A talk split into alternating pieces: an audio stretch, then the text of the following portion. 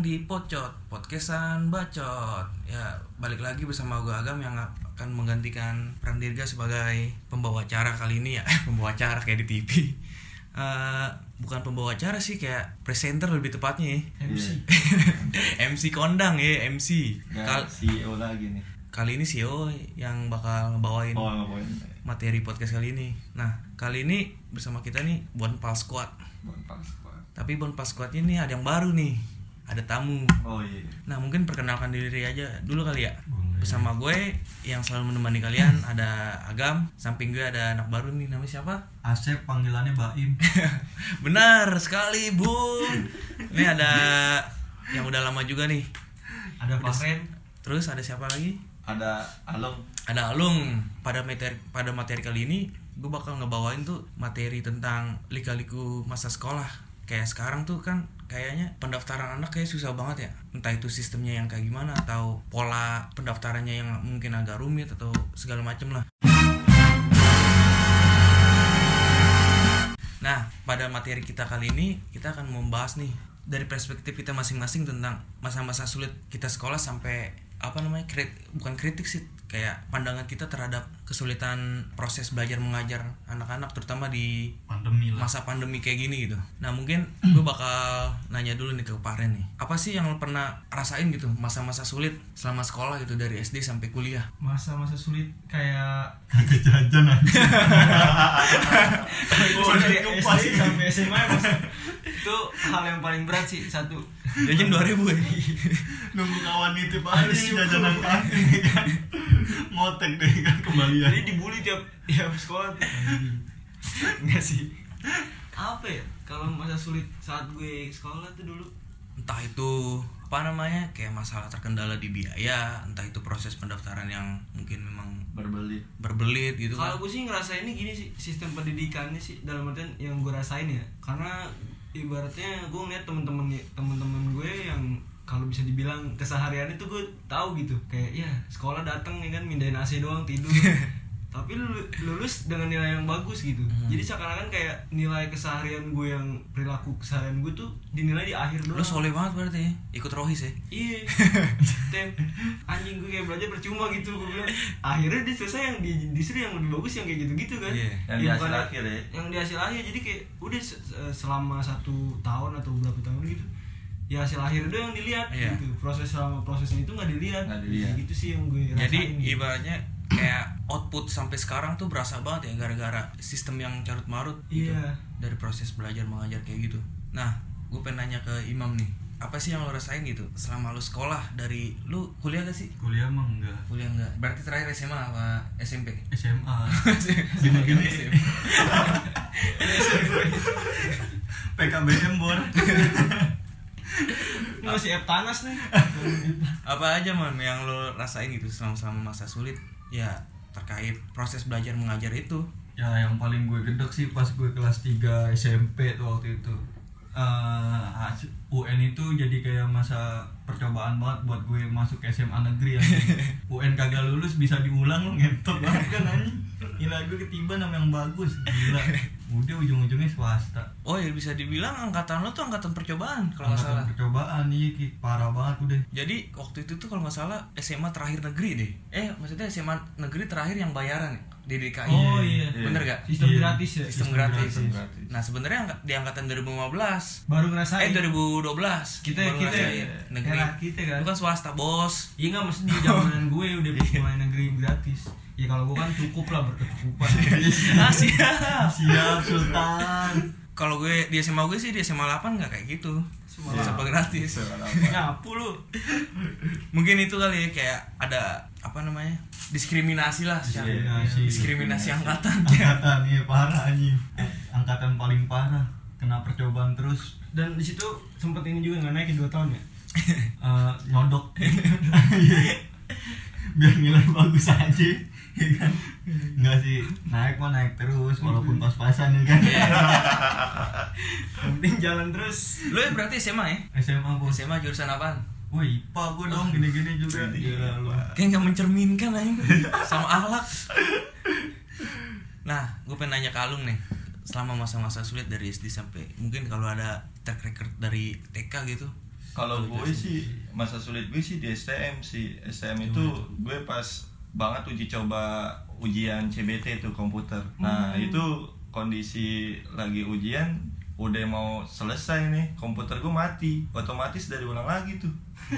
Ujian tuh dari nol lagi. Mikir lagi pas pas matematika lagi rumusan kan. Wah mau ngitung lagi dari nol tuh. Waktu sisa 5 menit. iya waktu waktu waktu udah sisa ya allah udah mepet banget berarti udah mulai pakai komputer Udah komputer tuh pas banget zamanan gue terakhir di SM makanya itu sulit banget menurut gue. Komputernya Nah, Pentium berapa?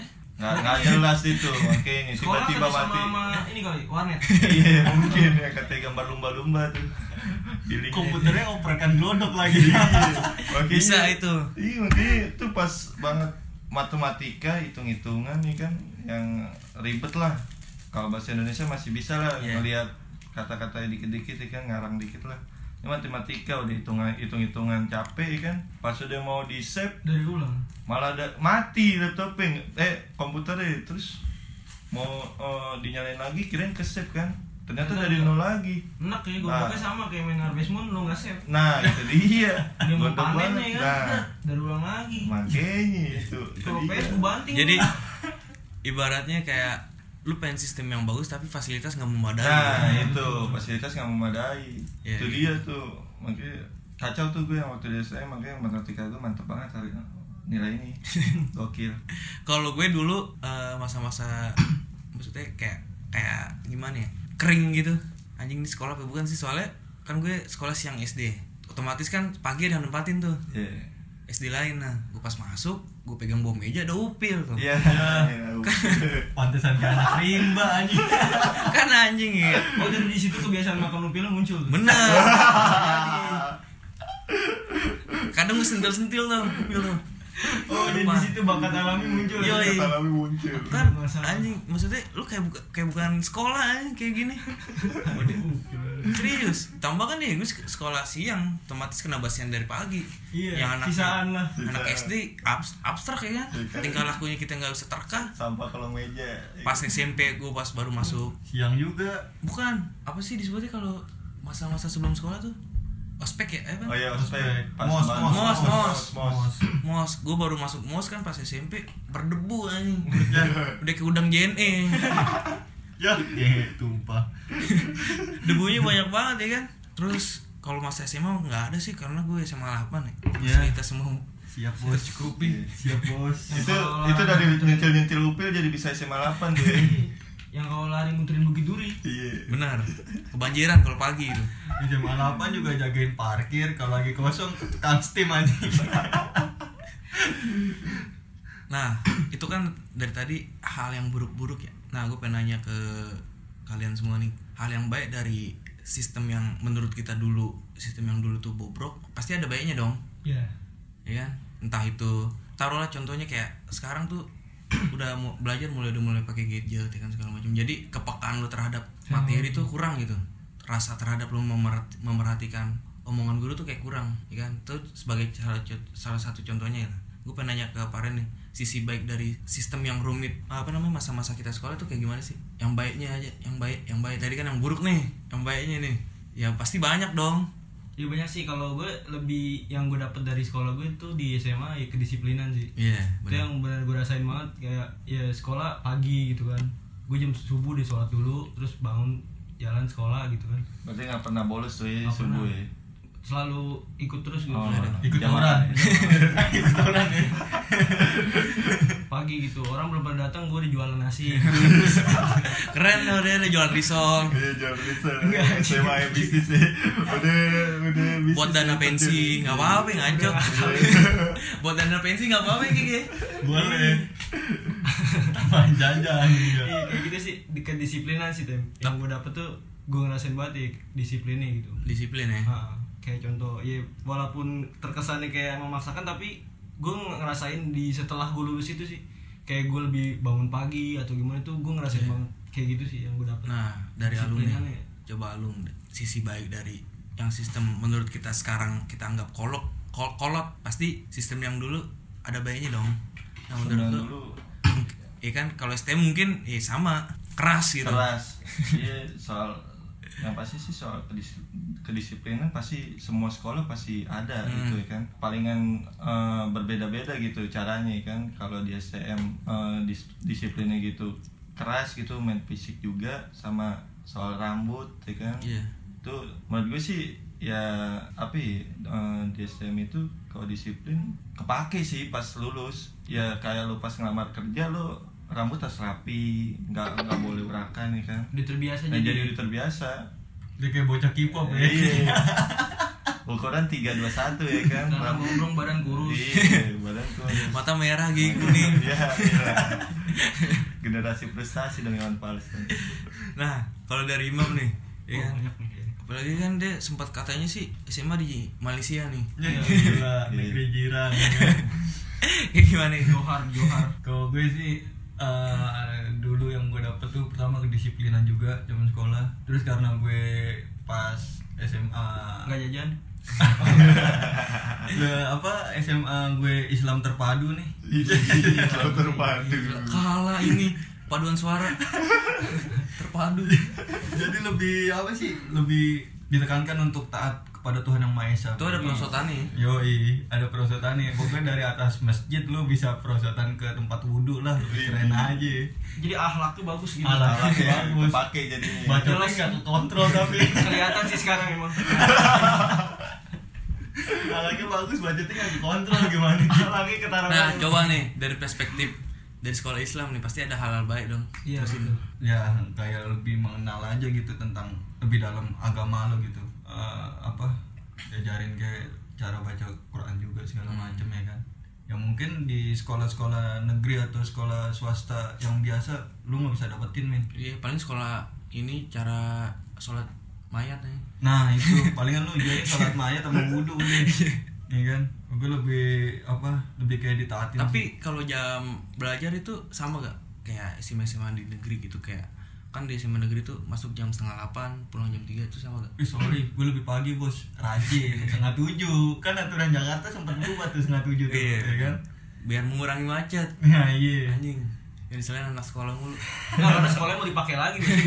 Oh, jadi jamnya lebih pagi. Iya buat nikahan ya. Iya, motornya tukeran ngaco. Iya, mau kosan anjing. Tapi lo ini kan sepatu nggak gantian kan? Pas- sama adek lo kan gantian Kalau di sekolah gue masuk lebih pagi sih men. Setengah tujuh. Terus apa segala Pelajaran bahasa lebih banyak anjing. Kepala gue puyeng. Oh, ada bahasa Ibrani Gila. Yahudi.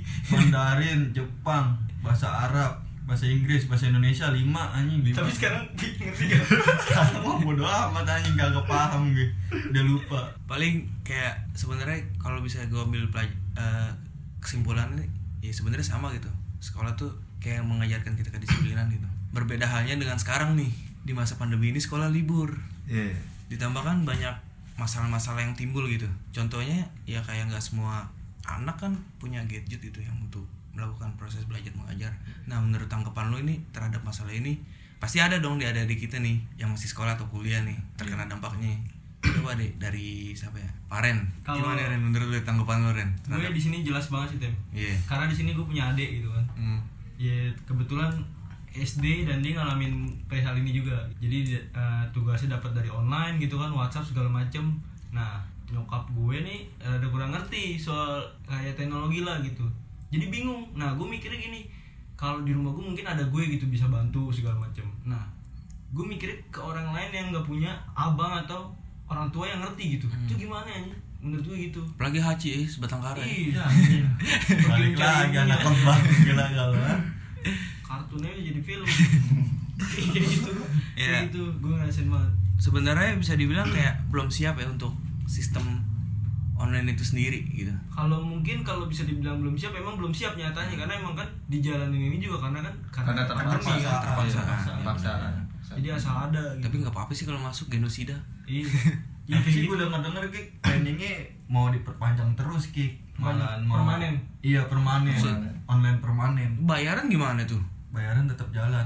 adik lu kuliah kan Kuliah. nah itu selama pandemi itu apakah ada pengurangan dari biaya kuliah atau tetap utuh gitu biaya kuliah Bayar kuliah Betul. sih utuh sih ki. utuh ya tapi untungnya eh, adik gue dapat bantuan dari pemerintah KJN gitu oh aja masih agak bisa dapat keringanan lah Hmm, katanya iya, kan. bener-bener. walaupun ya sebenarnya kalau online itu pengeluaran lebih. Iya. lebih banyak gitu Iya. sedangkan materi kan bisa lebih dari satu jam satu materi itu borosnya di situ doang belum lagi kalau ada boros. akses jaringan gitu yang lemot gitu dalam proses belajar mengajar kan juga Iya. mempengaruhi apa namanya kita iya, buat penangkap- ilmunya itu loh iya kendala jadi kendala iya. teknis jadinya nah kalau dari alumni kan adanya juga kuliah nih setahu gue nih. Iya. efek yang lo tahu nih pasti ada dong. Lo pasti merhatiin apa aja sih. ya ya so- soal bayaran sih. Soal dia bayaran. yang nih. yang gue kecewain tuh ya lo eh, kuliah lo nggak tatap muka gitu ya kan. Terus kuliah bayaran tetep gitu full. Nggak ada potongan-potongan. Potongan buat kota aja juga kagak ada gitu.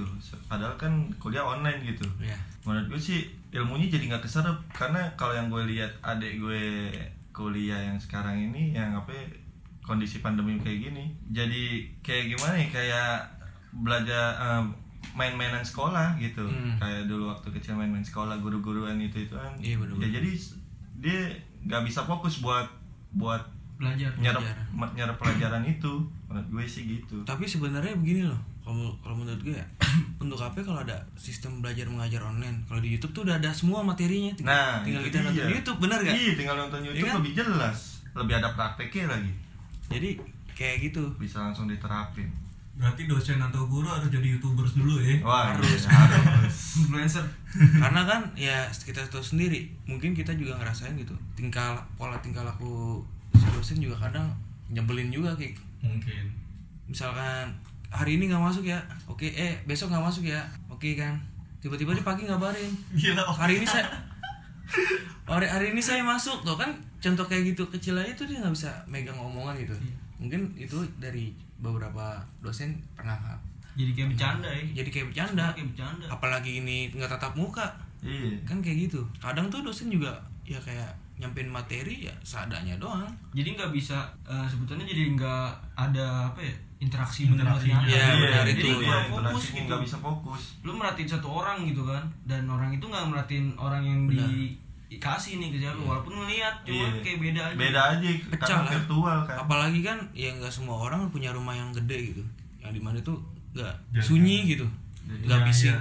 itu Ya, sih. jadi kayak apa ya, menurut gue dibalik sesuatu yang instan tuh pasti ada kekurangan. Iya. Itu kan instan kan. Termasuk adek gue Ki gimana kalau mau online ribet Ki. Semua yang ada di rumah suruh diem. Gila loh nggak boleh berisik takut apa pelajarannya terganggu katanya Hmm. gitu. Nah iya iya benar. Masalahnya kan kadang jaringan juga kacau. Nah Iya. jaringan tuh Iya. kendala Iya juga kan? tuh jaringan. Walaupun jatuhnya kita ini tinggalnya di ibu kota ya kan? Hmm. yang dilihat tuh secara keseluruhan udah memadai lah. Iya memadai. Tapi tetap aja providernya kan, Iya, ya kan? Terus sama warga sekitar Iya. suka nggak ngeliat atau bangun rumah tinggi segala macem kan tuh dia jaringannya jadi terhambat segala jadi kayak Semuanya. terhalang ya terhalang ya jadi sebenarnya kalau gue bisa ambil kesimpulan tuh masa iya masa-masa kita sekolah atau kuliah tuh ya paling terhalangnya cuma di biaya terus juga Iya. fasilitas yang nggak memadai Iya. nah untuk masa masa-masa sekarang nih generasi setelah kita nih kayak lebih berat gitu. Lebih berat kayak benar lebih kompleks. Entah Iya. itu biaya masalah biaya masalah fasilitas masalah apalagi kayak sumber daya yang tadi Paren bilang nyokapnya kurang ngerti tentang teknologi. Itu kan jadi harus per- jadi pertimbangan buat pemerintah gitu buat mengoreksi apakah proses belajar mengajar online untuk diterapkan lebih jauh atau memang ya buat sementara waktu doang. Iya. soalnya kan efeknya ya mungkin Nadiem Makarim ini ngeliat cuma dari segelintir orang yang punya fasilitas wah gitu. Iya. yang punya akses yang mumpuni iya karena dia ya, balik lagi lahir jadi dari keluarga orang kaya iya nggak ngerasain tuh iya. satu lagi Kik perkara umur juga Kik Perkara sekarang umur. Wah, oh iya itu Pendaftaran. oh tuh pendaftaran tuh pendaftaran tuh? keponakan gue kalau gue sih keponakan gue jadi eh, pen- penentuan masuk sekolahnya itu lewat umur gitu Iya, lewat umur kan penentuannya. Nah, itu gue punya keponakan dia umurnya pas-pasan gitu. Sampai dia ada sekolahan yang dia pengen tuju. Nah, itu di di sekolahan itu ada yang umurnya eh, SMP. Di SMP itu udah ada umurnya 19 tahun. Jadi Gila, otomatis sakit loh mau nggak mau 19 langsung tahun. kegeser. iya benar Nah, itu menurut gue kacau sih. Nggak adil ya? Nggak adil banget gitu. Biarpun kalau dulu kan ya dengan Ini. nilai kan jadi fair kan. lo karena hasil fair kerja- gak fair sih kalau nilai ker- kerja keras ya Iya. kan lo belajar dulu sebelum ujian. Nih kalau ini sekarang ditentuin pakai umur aneh gitu. Iya. kalau gue sih menurut gue. Tapi jadinya lucu kik begitu lu udah lulus sekolah ya kan nyari kerja mintanya yang muda kan tai. Iya gitu nah ya itu kan. dia. Lu mau ketemu di mana anjing? Giliran umur tua jadi supir lu paling tapi gitu, emang kalau nggak eh, satpam gue sempet Iya. dengar juga kalau yang umur tua ini sebenarnya udah, udah ada penerapannya tim Hmm. di 2000 kota gitu di Jakarta. Jadi Oh, sebenarnya udah diterapin udah lama kalau kata sih ke gue denger nih dari obrolan kementerian apa ah, gue Perhubungan. berita. Perhubungan gitu, transportasi iya kayak gitu. Jadi dia bilang udah ada penerapannya sebenarnya Oh, di daerah-daerah. di desa-desa tuh kayak gitu. Yang di yang dipilih tuh lebih ke umur gitu. Nah cuma ketika diterapin di Jakarta kayak sekarang ini ya pada banyak yang kaget lah dalam artian budaya yang gak kayak biasa gitu. Kayak gitu jadi umur yang di jadi menurut lo bagus atau enggak?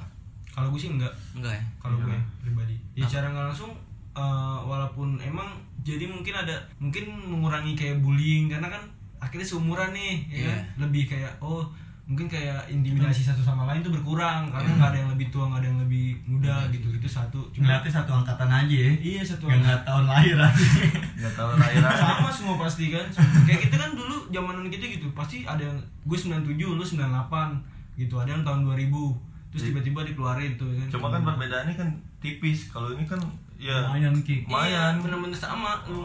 Jadi pengen disamain. iya.